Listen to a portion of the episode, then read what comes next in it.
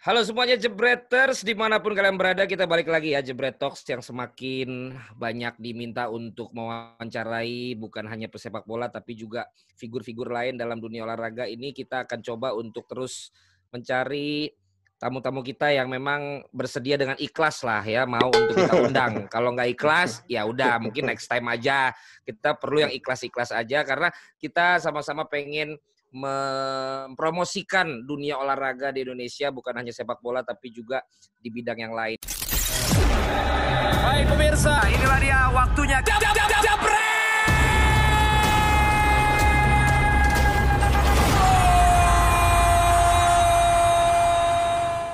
Yang satu ini adalah atlet bola voli putri yang kalau kalian ngikutin voli pasti tahu.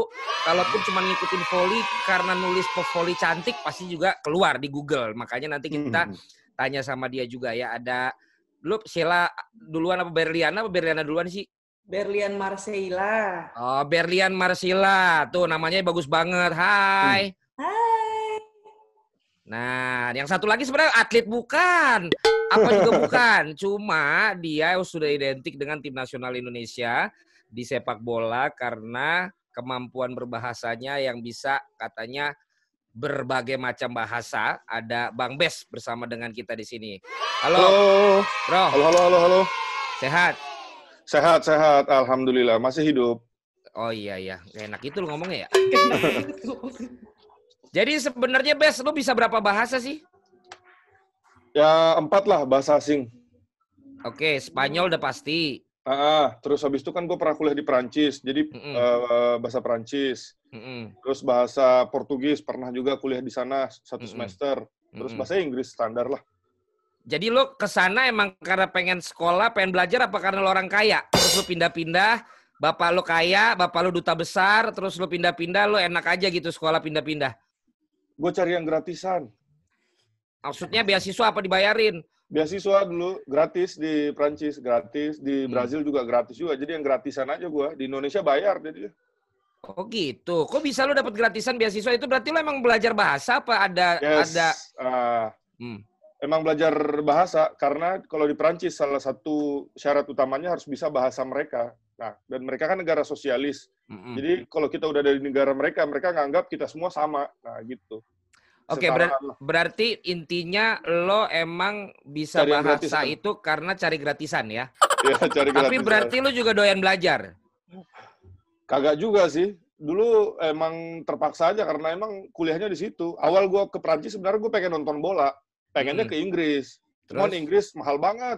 Ya. Gue suka sepak bola Itali. Itali juga bayar. Yang gratis hmm. Prancis doang sama Jerman. Jerman hmm. dingin. Gak kuat gue orang Indonesia. Udah, banyak keluhan, banyak keluhan ya hidup lu ya. yang gampang aja, yang gampang. Enggak, jadi lu berapa gelar sebenarnya? Satu aja. Lah itu pindah-pindah kampus, jadi lu emang gak lulus-lulus, lu pindah-pindah aja? Dulu panjang banget sekolah, jadi eh, apa namanya, ngulang-ngulang terus jadi. Oh gitu. Nah, satu aja gua. Oh berarti lu cuma satu doang? Ya. Nah kalau Sheila ini ternyata beberapa kali sering beritanya dimunculkan dia meninggalkan pelatihan lah, meninggalkan pertandingan lah karena mengurusin sekolah ya. Apakah itu pas kemarin mau lulus atau sidang skripsi atau juga pas lagi sebelumnya dan sebelumnya. Emangnya segitu pentingnya emangnya sil sekolah buat atlet? Kan banyak juga yang lain yang bisa juga nanti lo setelah selesai lo ikut kelas-kelas biasanya pasti ada lah yang membuat ada apa ya fasilitas lah untuk atlet-atlet bisa ngambil sekolah gitu.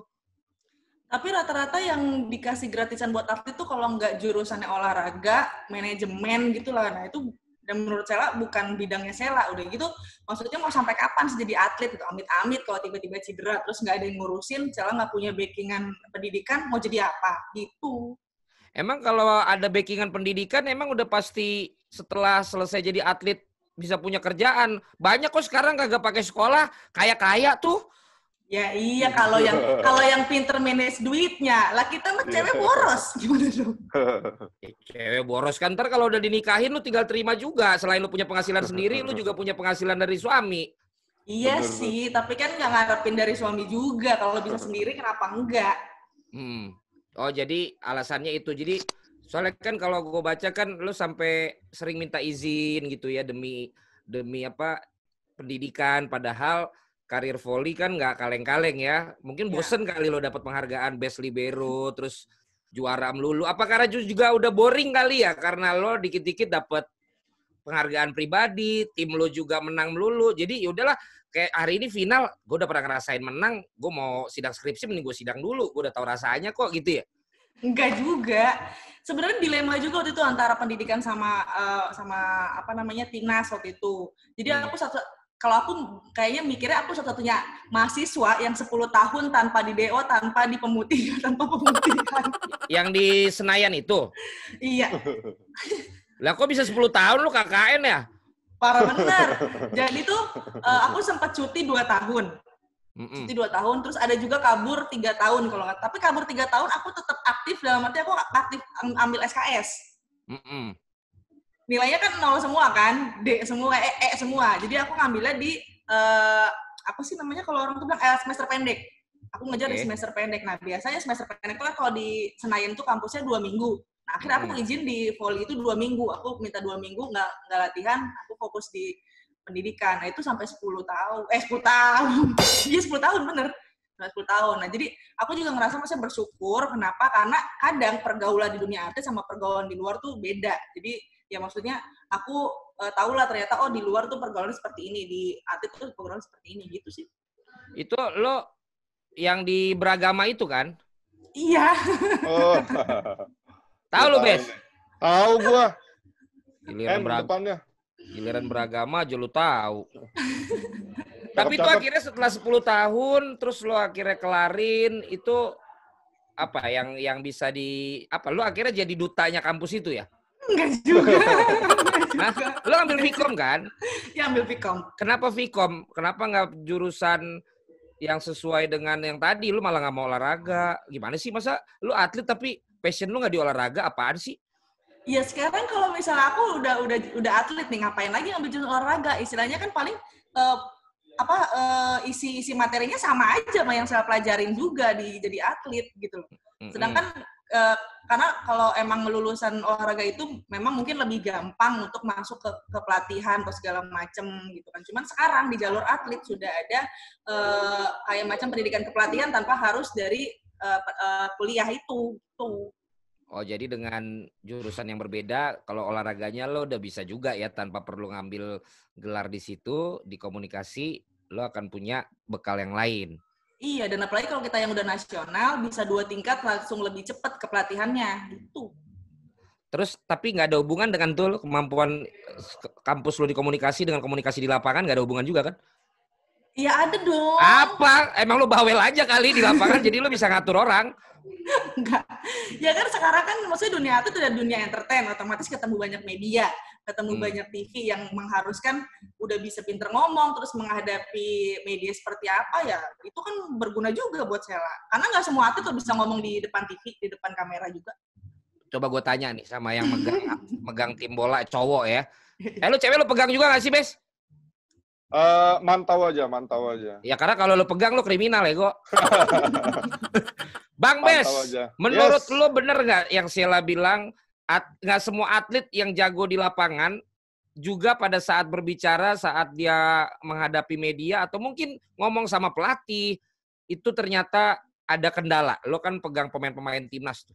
Nah kan gue pegang dari 2017 tuh dan dari 2017 hmm. tuh kan anak-anak kecil kadang-kadang kan kita pegang umur-umur 20-an ke bawah. Nah di situ kadang-kadang uh, memang dibutuhkan juga kemampuan buat komunikasi supaya mereka bisa uh, mengekspresikan apa yang mereka rasakan di lapangan ke uh, media misalnya. Nah, kadang-kadang kalau lagi di timnas tuh anak-anak bahkan yang udah senior kadang-kadang masih kita briefing. Kita briefing dulu uh, jangan ngomong ini, apa yang harus diomongin. Terus kadang-kadang kalau mereka udah pengalaman, mereka udah ya luwes saja gitu. Tapi uh, most of the time kebanyakan uh, masih pada canggung, masih pada canggung, masih pada malu-malu kadang-kadang kalau disuruh wawancara. Lebih malu yang anak lebih malu yang anak muda apa yang udah bangkotan malah? lebih lebih malu-malu yang muda. Kadang-kadang dorong-dorongan lu aja, lu aja, dia aja, dia aja. Tapi kan pelatih dulu dari zamannya Luis, dari zamannya Simon udah ditentuin siapa yang siapa yang gilirannya hari ini ganti-gantian. Nah, ini kan kebalik nih. Kalau Sela kan dari atlet, dia akhirnya ngambil kuliah dengan jurusan yang bukan olahraga. Gue denger kan, Bes, lo dari sekolah ya. banyak, iya. bahasa ya. banyak, lo sekarang ngambil kursus kepelatihan. Iya, iya. Nah, sebenarnya makanya dibalik. Jadi mana duluan sih sebenarnya karir prakteknya atau atau atau pendidikannya jadi menurut lo, lo kayak kebalik lo malah orang udah bosan di sekolah kali lu ya akhirnya lo mau praktek jadi pelatih karena gue gua, gua bosan kerja kantoran itu jadi gue masuk uh, di dunia bola waktu itu 2017 terus hmm. akhirnya karena udah uh, kepalang banyak belajar sama Luis sama Simon akhirnya gue ngambil sekolah pelatih aja sekalian sekarang hmm. udah udah dua kali ngambil tingkat sekarang udah level AFC kebanyakan udah sekarang mah udah jadi intinya lu sekolah lagi juga ya sekolah lagi juga ini sekarang tahun ini ada lagi tahun ini sekolah lagi rencana jadi udah ketiga kalinya sekarang Lo mau sekolah lagi apa? Pelatih lagi? Pelatih lagi, nambah naik lagi supaya naik level. Kan ada lima tingkatan lah. Yang paling tinggi kan yang pro. Pro itu di Indonesia ya Coach Indra Safri, hmm. gitu-gitulah. Nah, hmm. gue masih yang C ini, AFC, tapi udah, nah, tahun ini mau naik yang B.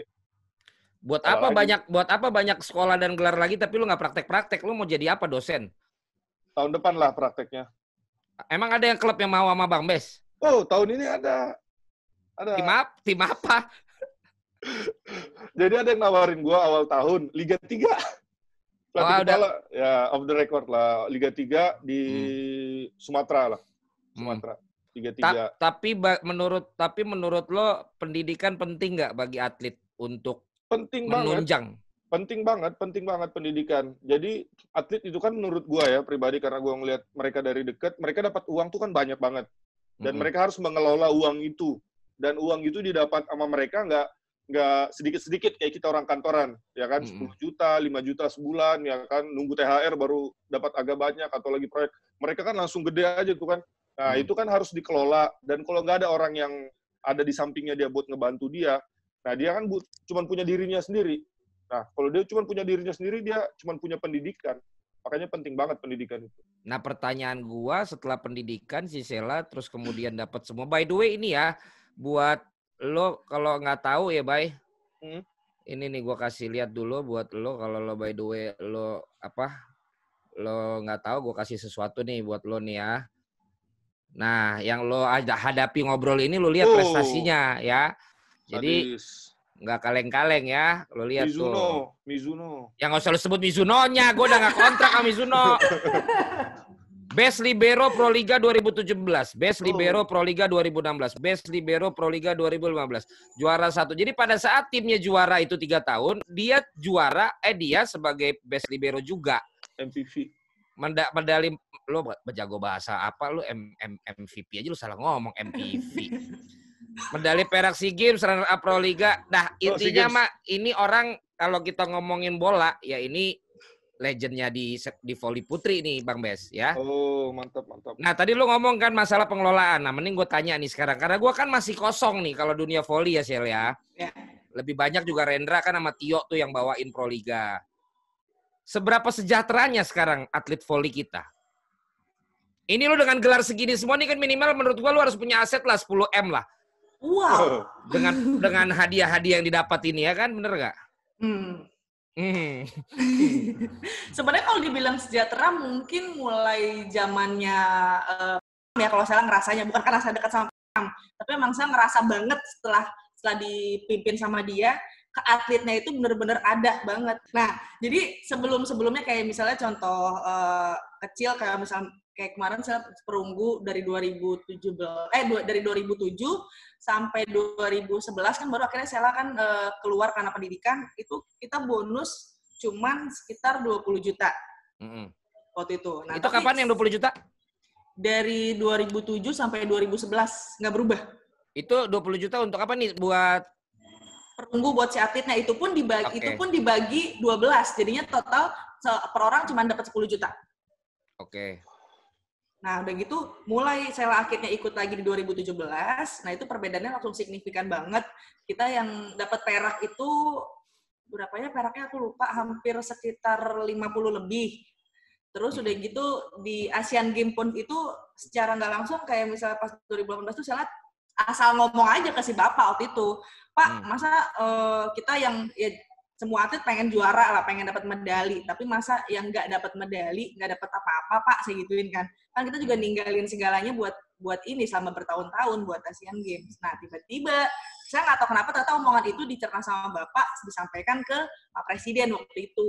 Hmm. Jadi akhirnya seluruh atlet yang tidak mendapatkan medali mendapat uang 20 juta waktu itu kan. Hmm. Nah, terus udah gitu kalau di luar di luar timnas kayak misalnya profesional yang dulunya nih saya pertama kali ikut Pro Liga tahun 2005 hanya dibayar 2 juta per bulan. Sama klubnya? Sama klub waktu itu. 2005. Uh, 2005. Oke. Okay. Hmm. Terus di sempat di dua, uh, sampai 2014 akhirnya dapat sekitar 25 juta per bulan 2014. Oh, udah jauh banget tuh. Ya kan itu itu berapa tahun itu? Iya tapi ya Ya gue dari 300 ribu akhirnya jadi cuma 3 juta gue ke presenter. Udah gede dari sana nah, ya. Mulai 2015 langsung di angka sekitar 40. Sebulan? 2015. Ya, sebulan. Apa baik kontrak juga ntar dibagi per bulannya 40 kayak pemain bola? Enggak, enggak langsung per bulan 40 selama 5 sampai 6 bulan. Nah, dari 2015 itu baru saya akhirnya bisa nabung. Sebelumnya nggak bisa nabung. Oke. Berarti 2000, itu hmm. berarti jadi emang sistemnya kayak gaji bukan kontrak dibagi rata selama season ya? Iya, iya. Oke. Okay. Jadi kontrak hanya bentuknya cuma waktu aja kontrak selama enam bulan, nah per bulannya sekian sekian sekian. Gitu. Oke, okay. dan dan jang, jangka waktunya biasanya satu season enam bulan. Iya. Mulai nah, lagi mulai, berapa lama lagi?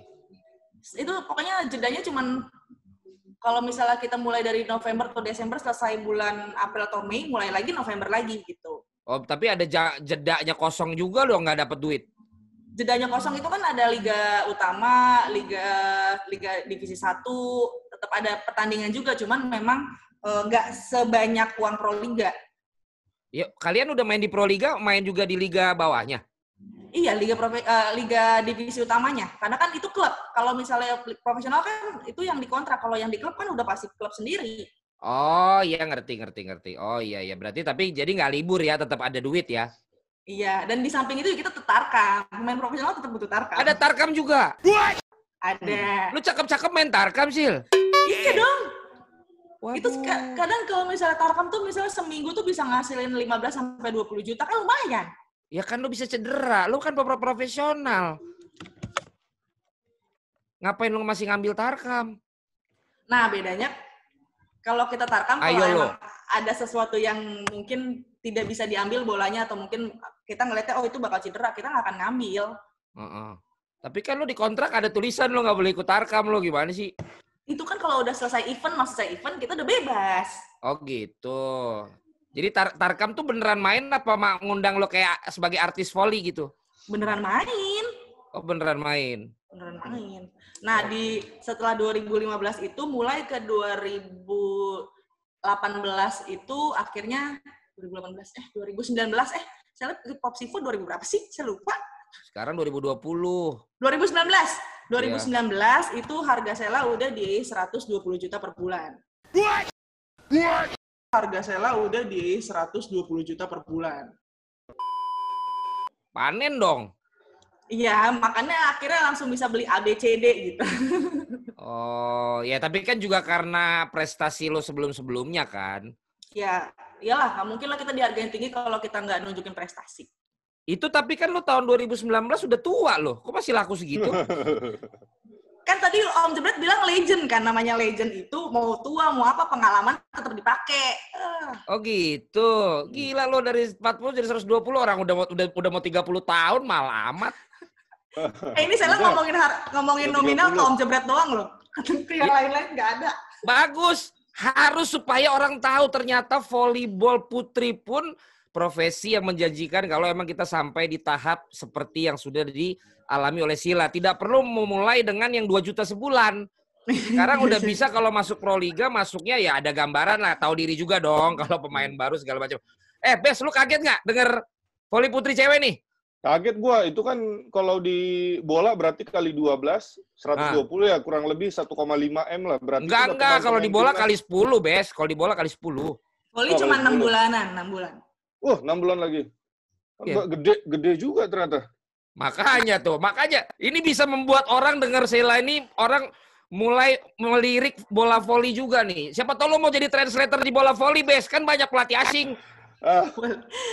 Banyak pelatih Cina, jadi harus oh. belajar bahasa Cina sekarang. Aduh. Lu Cina bisa nggak? Kagak, kagak pernah ke Cina. Ya emang lu emang harus, harus pernah ke, ke Cina. Harus ke negaranya dulu, pertukaran budaya, pertukaran lidah dan sebagainya, baru bisa. Tapi lo melihat melihat yang dari lo tahu dari anak-anak sendiri untuk di kita compare ke Sela tadi buat pemain bola gede juga kan, Bes? Gede lah, buat gede lah, buat uh, segitu gede lah. Karena di Indonesia kayaknya gaji pemain bola itu kan udah mulai naik banget sekarang. Mm-hmm. Udah mulai naik banget. Apalagi pemain-pemain asingnya, pemain-pemain uh, naturalisasi juga gede, ya kan? Makanya mungkin main di Malaysia, main di Thailand, kayaknya nggak perlu lah sampai ke luar negeri karena gaji di Indonesia juga udah gede. Lo ngerumpi-ngerumpi sama pemain siapa yang paling gede sekarang, Bes? Oh banyak gede-gede semua. Pemain-pemain muli gede-gede semua. Oh pemain-pemain muli ya. Tetap, tetap harus kan, lu bawa mulinya ya. Nah kan ini Stila kalau belum tahu nih orangnya nih ya. Bang Bes kuasai lima bahasa. Dia ini makanya gua sandingkan ini karena ini orang kayak dua-duanya sama-sama suka sekolah nih ya kan. Jadi siapa tahu bisa nyambung kan daripada sendiri-sendiri diajak ngobrolnya.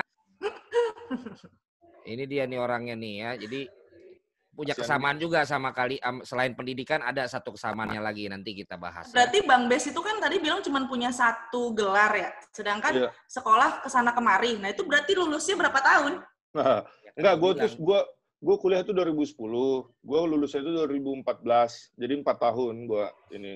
Sebenarnya kuliahnya cuma di satu tempat, terus habis itu gue pertukaran pelajar. Akhir akhir uh, tahun kuliah gue pertukaran pelajar Waktu itu gue ditawarin ke Amerika, Kanada, apa Australia karena dilihat Indonesia kan backgroundnya Inggris. Terus gue bilang gue nggak mau, gue menonton Piala Dunia, gue bilang 2014. Jadi gue mau ke Brazil aja, ya ke Brazil gue. Salah Tapi ngomong, dia 4 tahun dong, jebret. 10 tahun. Lu 10 tahun kan? Iya. Tapi nggak apa-apa, Sil. Lu hmm, sekarang 120, coba tanya Bang Bes. Berapa bulan ah. lu belum dibayar, Bes? Udah, lancar, lancar. Ya, oh, udah ya, gitulah. Lancar tapi tipis-tipis. Tapi bukan atlet. Nah, tapi bukan atlet. Oh, kalau bukan atlet jauh ya? Jauh. Tahu gitu ya. gue jadi atlet gue. ini makin seru karena ini ternyata kita jadi tahu ya guys, di volley pun ternyata keadaan sudah sangat oke okay banget untuk seorang atlet. Cowok berarti sama atau lebih gede sih? Setahu saya sih cowok sebenarnya masih di bawah. Jadi kalau di volley ini oh. ada tiga serangkai, ada tiga serangkai yang memang harganya tinggi banget di putri. Okay. Okay. Nah, setahu aku cowok masih di bawah kita. Kok bisa gitu malah? Karena itu tadi dari dari apa namanya dari prestasi yang di 2015 sampai 2017 kita tiga serangkai ini setim dan kita tiga-tiganya dapat predikat juga, dapat juara juga. Nah dari situ langsung kita harganya melambung tinggi gitu. Si si tiga ini termasuk lo? Iya. Nah kalau cowok nggak ada? Kalau cowok jauh setahu aku sih memang belum ada. Berarti ini calon laki lo di bawah lo dong penghasilannya? kan, kan dia pemain voli juga. Ya kalau di profesional iya, tapi kalau di Tarkam dia jauh lebih besar. Ya. Lah kok bisa?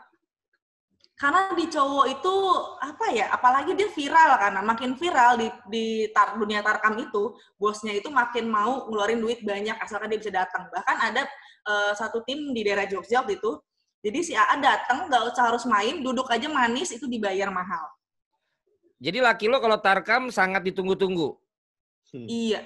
Nah kalau ada yang nyantol ke dia lo di daerah-daerah, gimana lo? Jadi dikawinin nggak? Kan parah banget deh. Loh, kan gue nanya, bener gak, Be?